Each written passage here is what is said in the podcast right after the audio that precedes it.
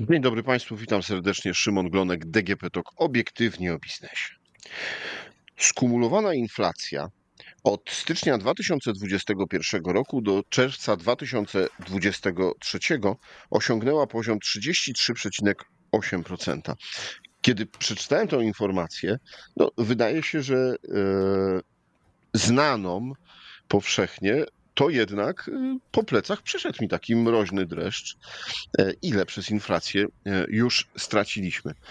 Ale dzisiaj w podcaście porozmawiamy sobie o szerszej perspektywie, o tym nie tylko jak inflacja, ale jak też inne czynniki wpływają na polską gospodarkę. A przyczynkiem do naszej rozmowy jest e, raport, dziesiąty już który został przygotowany przez e, Związek Banków Polskich. E, raport Polska i Europa innowacje, inwestycje, wzrost. A moim i Państwa gościem jest pan dr Tadeusz Białek, prezes Związku Banków Polskich. Dzień dobry. Dzień dobry panie rektorze, dzień dobry państwu.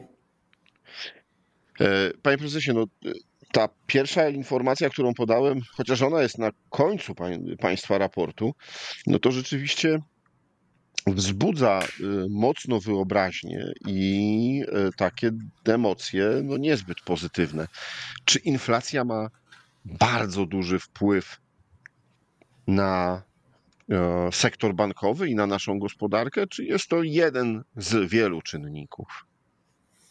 Mm, panie redaktorze, szanowni państwo, jest to niewątpliwie jeden z wielu czynników, szczegółowo o tym też piszemy w raporcie, który jest także dostępny na naszych stronach, można go sobie pobrać i przeanalizować, ale zaczynając od tej inflacji, y, no, to wygląda tak, że w warunkach wysokiej inflacji, w jakiej funkcjonujemy w ostatnim czasie, ona oczywiście y, spada powoli, ale y, spowodowała, że w stosunku do stanu ze stycznia 2021 roku, na ten moment skalę niedoboru kredytów sektora niefinansowego szacujemy na przekraczającą 370 miliardów złotych. W związku z tym tutaj jest to jedna z takich danych, która wyraźnie pokazuje też e, fakt, że funkcjonowanie sektora bankowego w warunkach wysokiej inflacji jest e, szczególnie utrudnione i powoduje także problemy związane właśnie z niedoborem kredytów sektora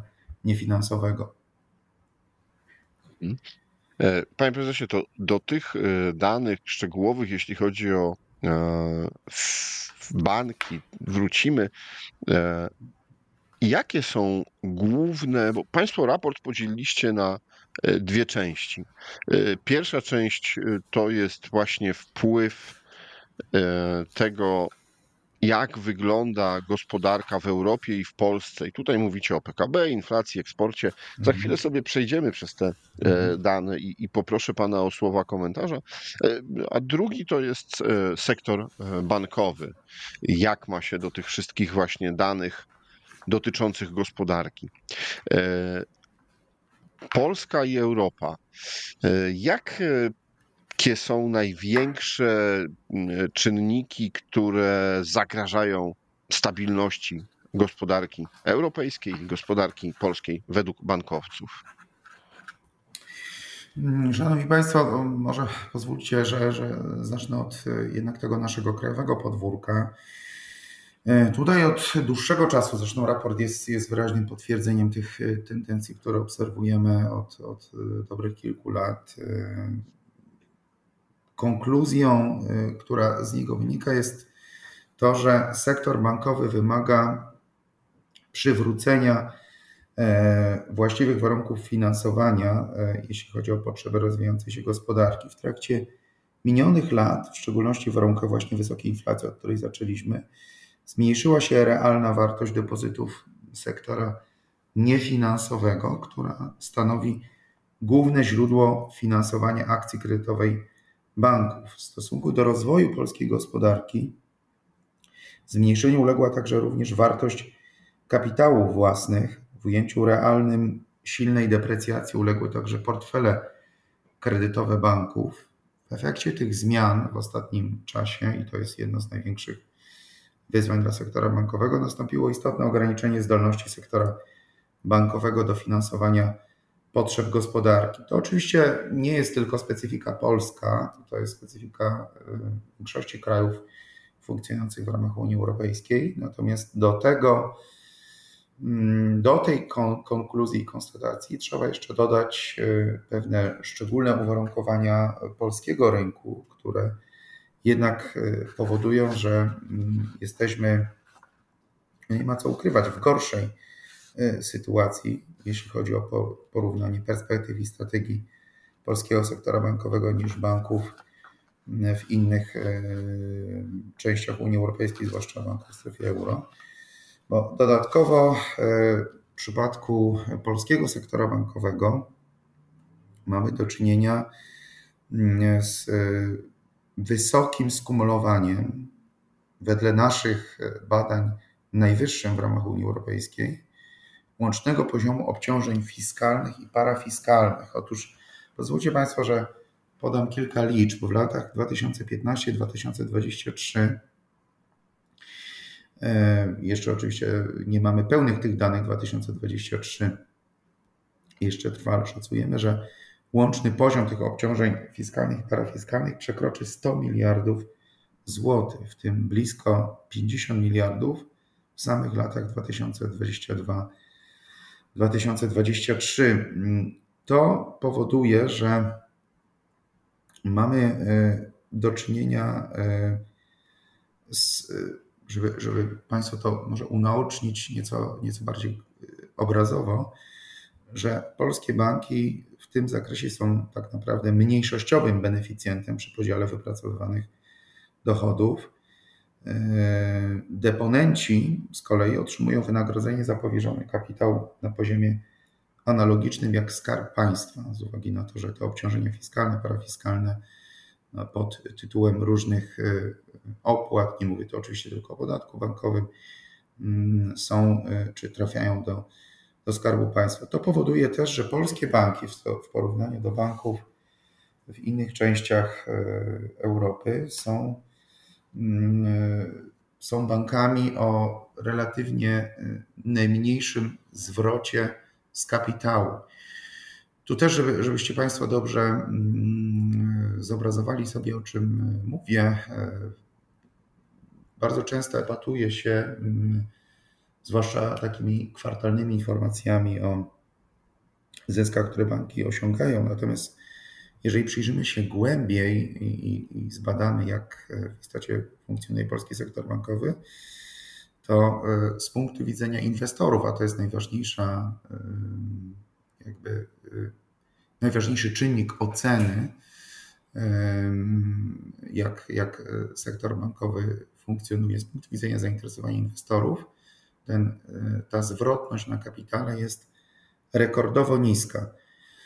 To też powoduje, proszę Państwa, już, już jakby kończę tą część taką oceny funkcjonowania sektora bankowego, że nasz sektor bankowy, co może zakładam być dla części z Państwa zaskoczeniem, ale, ale pokazuje to twarde dane, pozostaje jednym z najmniejszych w całej Unii Europejskiej, mimo że jesteśmy jednym z większych krajów Unii Europejskiej, jeśli chodzi o powierzchnię i, ludność. Mm, I on się w dalszym ciągu kurczy. To znaczy wielkość aktywów do PKB, bo to jest też taka wymierna dana, którą często E, się posługujemy, niezwykle obiektywna, e, pokazuje, że ta wielkość aktywów do PKB to w tej chwili około 88% aktywów sektora do PKB i e, ma tendencję zmniejszającą się. Szacujemy, że prawdopodobnie na koniec tego roku spadnie do poziomu 85%, co właśnie powoduje, jak powiedziałem kilka chwil wcześniej, że jesteśmy jednym z najmniejszych całej Unii Europejskiej, przykładowo we Francji, udział, wielkość aktywów sektora bankowego do PKB to ponad 350%. Nasze 88% powoduje, że realnie jesteśmy zbyt małym sektorem y, w, w kontekście możliwości sfinansowania potrzebom rozwijającej się gospodarki, jednocześnie w sytuacji, kiedy polski sektor kapitałowy, rynek kapitałowy jest cały czas w fazie rozwoju. Nie jest w stanie dostarczyć finansowania które mogłoby zastąpić niewystarczający potencjał sektora bankowego. Przypomnę Państwu, że sektor bankowy niezmiennie pozostaje drugim głównym dostarczycielem finansowania dla przedsiębiorstw po środkach własnych bezsprawnie funkcjonującego sektora bankowego po prostu nie możemy liczyć na sprawne finansowanie potrzeb rozwijającej się gospodarki. No tak, ten rozwój gospodarki trochę spowolnił, ale żeby z powrotem wrócić na szybką ścieżkę, niewątpliwie będą potrzebne y, duże inwestycje. Panie prezesie, co w takim razie można zrobić, albo co wy widzicie, że trzeba zrobić, e, żeby e, stabilność sektora była zapewniona, żeby jednak te aktywa się powiększały i sektor mógł aktywnie brać udział w finansowaniu e, inwestycji mhm. w gospodarce. Tak, panie redaktorze, no niewątpliwie konieczne jest zwiększenie skali inwestycji, do czego niezbędne jest, jak, jak wskazywałem kilka chwil wcześniej, zwiększenie roli sektora bankowego jako sektora zapewniającego finansowanie potrzeb rozwojowych polskiej gospodarki. W tym zakresie wymagane jest po prostu zapewnienie sektorowi bankowemu warunków y, do możliwości odbudowy kapitałów, portfeli kredytowych, wzrostu adekwatnego do potrzeb rozwijającej się gospodarki. O nadzwyczajnych obciążeniach fiskalnych parafiskalnych już mówiłem. E, więc pozwólcie Państwo, że zwrócę uwagę na jeszcze jeden krytyczny element, który no, stoi na przeszkodzie niewątpliwie zwiększenia roli sektora bankowego jako tego zapewniającego mm, finansowanie potrzeb rozwojowych polskiej gospodarki. Mam na myśli pozostające wciąż bardzo wysoko ryzyko związane z kredytami walutowymi kredytami denominowanymi, indeksowanymi do mm, franka szwajcarskiego. E, jest to wciąż bardzo istotne zagrożenie dla no nie tylko zdolności sektora finansowego, do, sektora bankowego do finansowania gospodarki, a wręcz dla stabilności sektora bankowego. Pozwólcie Państwo, że przytoczę kilka, kilka liczb. Jak pamiętacie Państwo, Komisja Nadzoru Finansowego szacowała, że koszty potencjalnie negatywnego rozstrzygnięcia związanego z e, wyrokiem CUE, które się zmaterializowały e, w połowie czerwca, mogą sięgać nawet 100 miliardów złotych.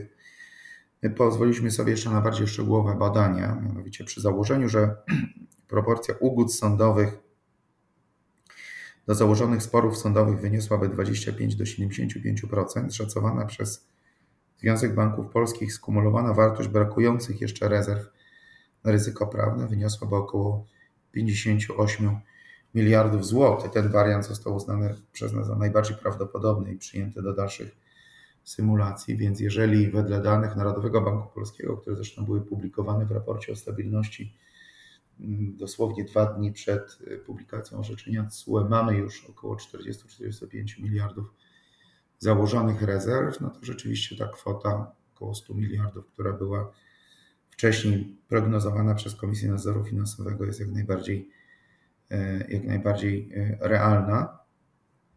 E, co oznacza, że no nie tylko nie będziemy w stanie tych, mm, tych kapitałów bankowych przeznaczyć na finansowanie kredytów, bo finansowanie gospodarki w postaci udzielanych kredytów, bo one po prostu będą no przede wszystkim e, mówiąc obrazowo zablokowane w postaci konieczności e, do tworzenia rezerw e, na ryzyko związane z mm, tymi kredytami, ale po drugie no, zostaną też redystrybuowane, jeśli można tak powiedzieć, na rzecz no, relatywnie bardzo niewielkiej grupy klientów banków, nie, nie stanowiącej nawet 1%. Mam na myśli tutaj klientów kredytów walutowych, no co budzi bardzo poważne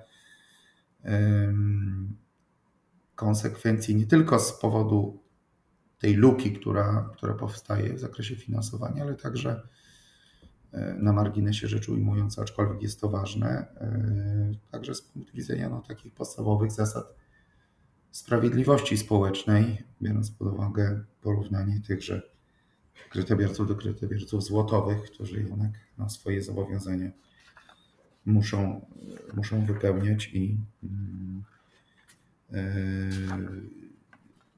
też sygnalizują nam yy, liczne poczucia, liczni kredytobiorcy złotowi sygnalizują nam poczucie niesprawiedliwości, dlaczego jedna grupa kredytobiorców otrzymuje kredyt za darmo. Ale to tak trochę jakby ważna sprawa, ale na marginesie tych, mm, tych rozważań, których, które teraz prowadzimy w zakresie zdolności sektora, sektora bankowego do finansowania gospodarki. No niewątpliwie y, ważnym obszarem, który też będzie miał wpływ na zdolność sektora bankowego do finansowania gospodarki jest sprawne dokończenie i przeprowadzenie procesu reformy wskaźników referencyjnych, jednej z kluczowych. Wiem, że dla przeciętnego Kowalskiego może nie jest to jakiś istotny temat i jest on też, mówiąc zupełnie otwarcie, dość, dość trudny, hermetyczny. Dlatego też prowadzimy od ponad roku dużą akcję edukacyjną, aby uświadamiać klientów, o co tak naprawdę w tym procesie chodzi.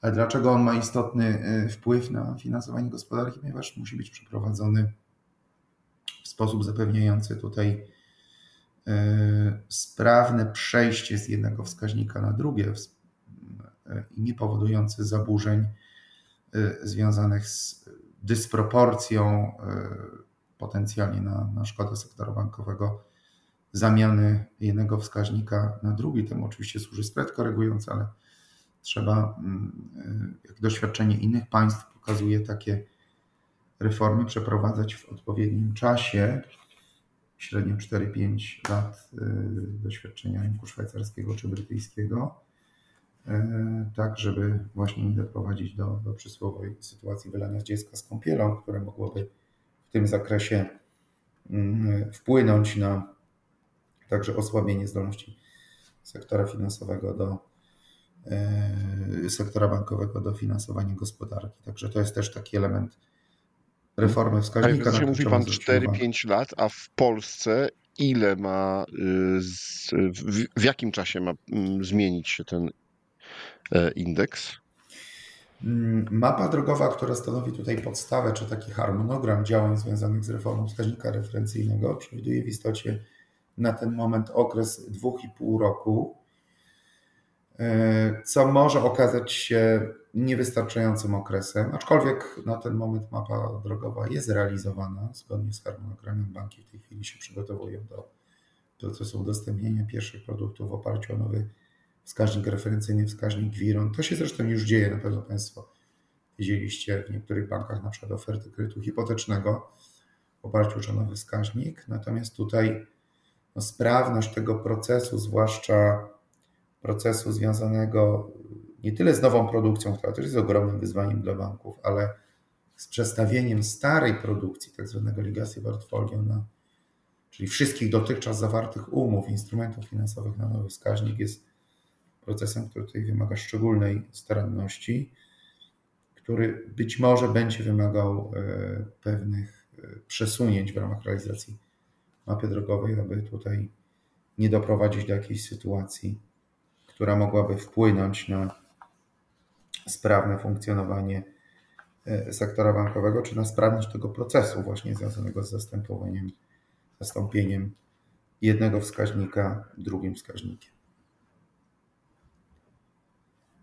Panie prezesie, powiedział Pan o tych e, ważnych e, składnikach, które wpływają na E, sytuacje w bankowości i mogą wpłynąć e, przez to na rozwój polskiej gospodarki.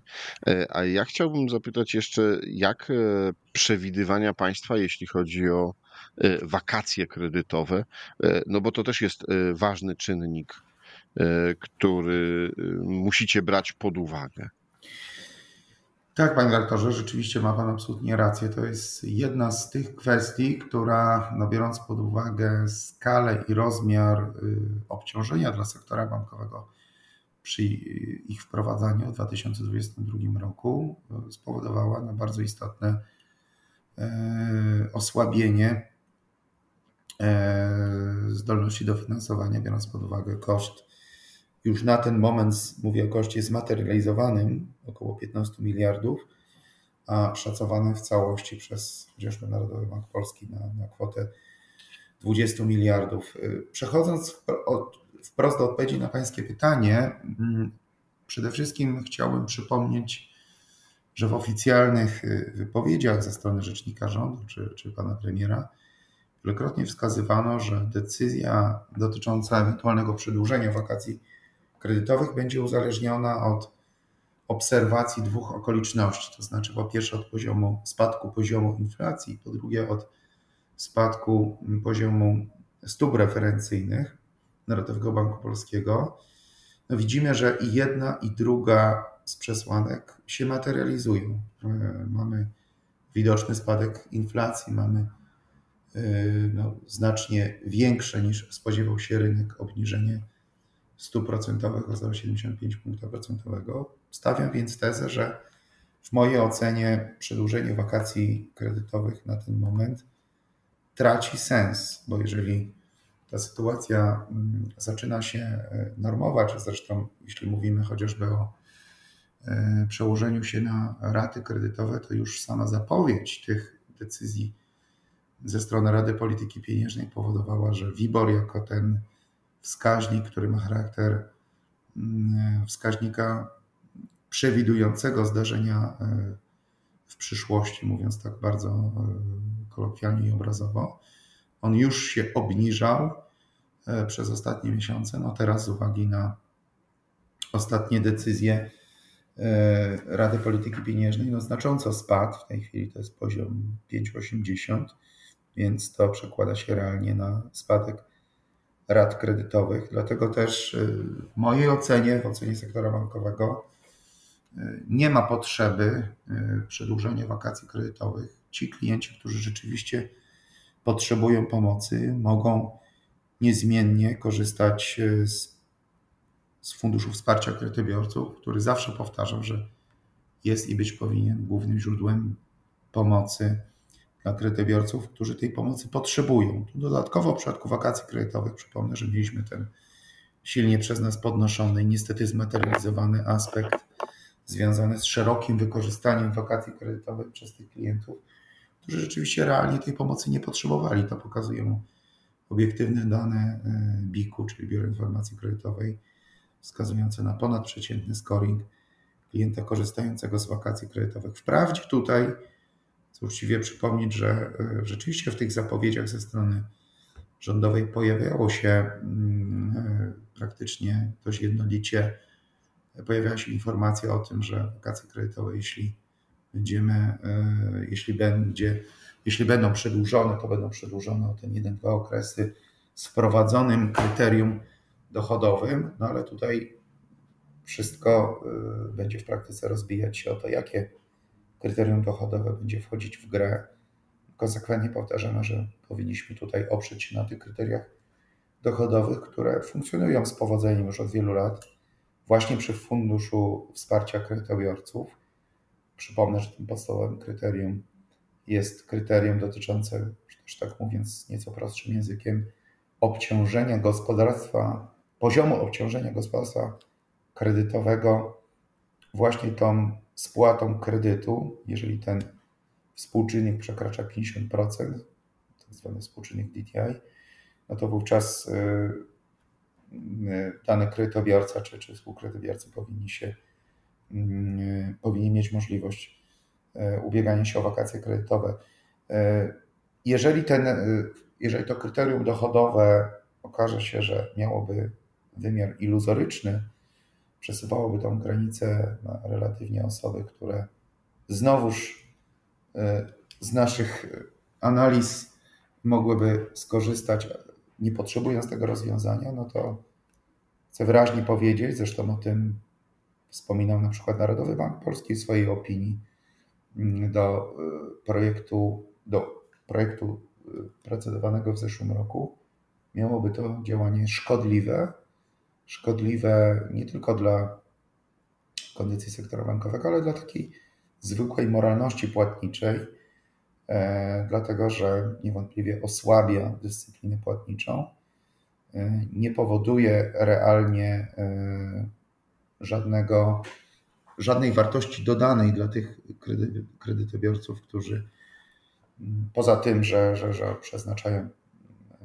często tą zaoszczędzoną kwotę na, na, na bieżące potrzeby konsumpcyjne, nawet nie na nadpłatę kredytu, bo tutaj też nasze dane pokazują, że liczba osób, która nadpłacała kredyty mm, z tych, którzy brali wakacje kredytowe jest relatywnie niewielka. Więc tutaj jeszcze raz podkreślam, y, wydaje się, że na tą chwilę nie ma potrzeby odnawiania y, czy przedłużania wakacji kredytowej na dalsze okresy.